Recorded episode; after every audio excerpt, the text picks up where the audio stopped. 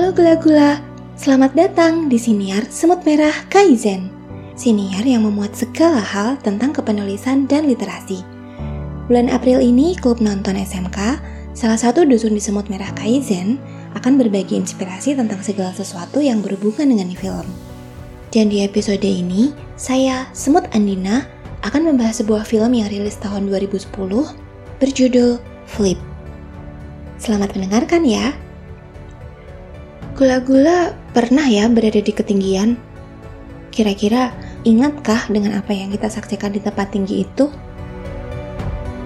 Untuk kesekian kalinya, Julie memanjat pohon sycamore yang lebih tinggi dari rumah-rumah di pemukiman hanya untuk duduk berjam-jam menyaksikan sinar matahari muncul, merasakan hembusan angin, dan menghirup aroma rumput.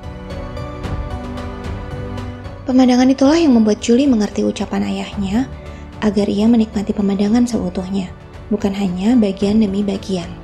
Demikian pula ketika mengenal seseorang, harus melihat keseluruhan, bukan hanya bagian-bagian kecil tertentu dalam diri orang itu. Sayangnya, momen itu terhenti ketika pemilik lahan menebang pohon tersebut.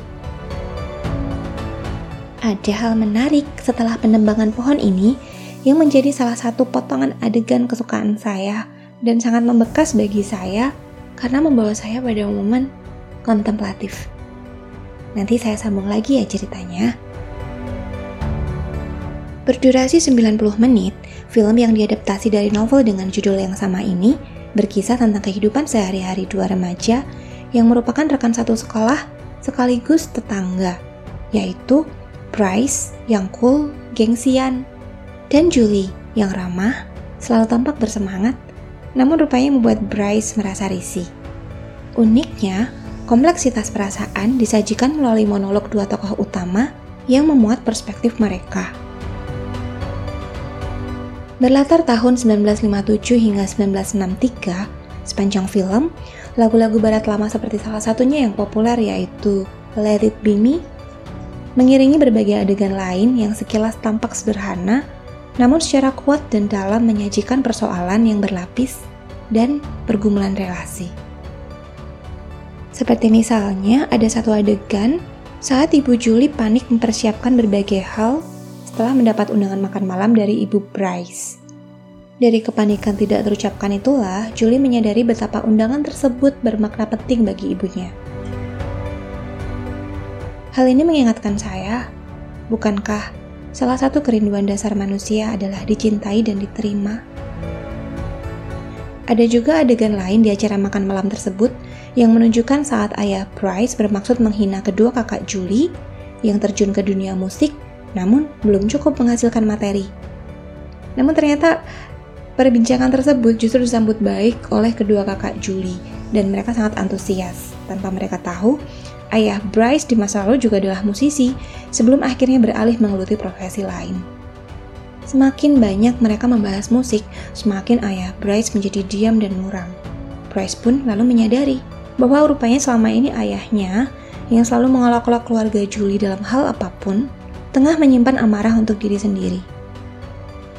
Hal ini mengingatkan saya bahwa kadang kita bisa marah terkait hal yang tidak mampu kita ulang atau kontrol, seperti misalnya pilihan di masa lalu, dan mengalihkan kekecewaan tersebut untuk situasi yang menyerupai di kemudian hari.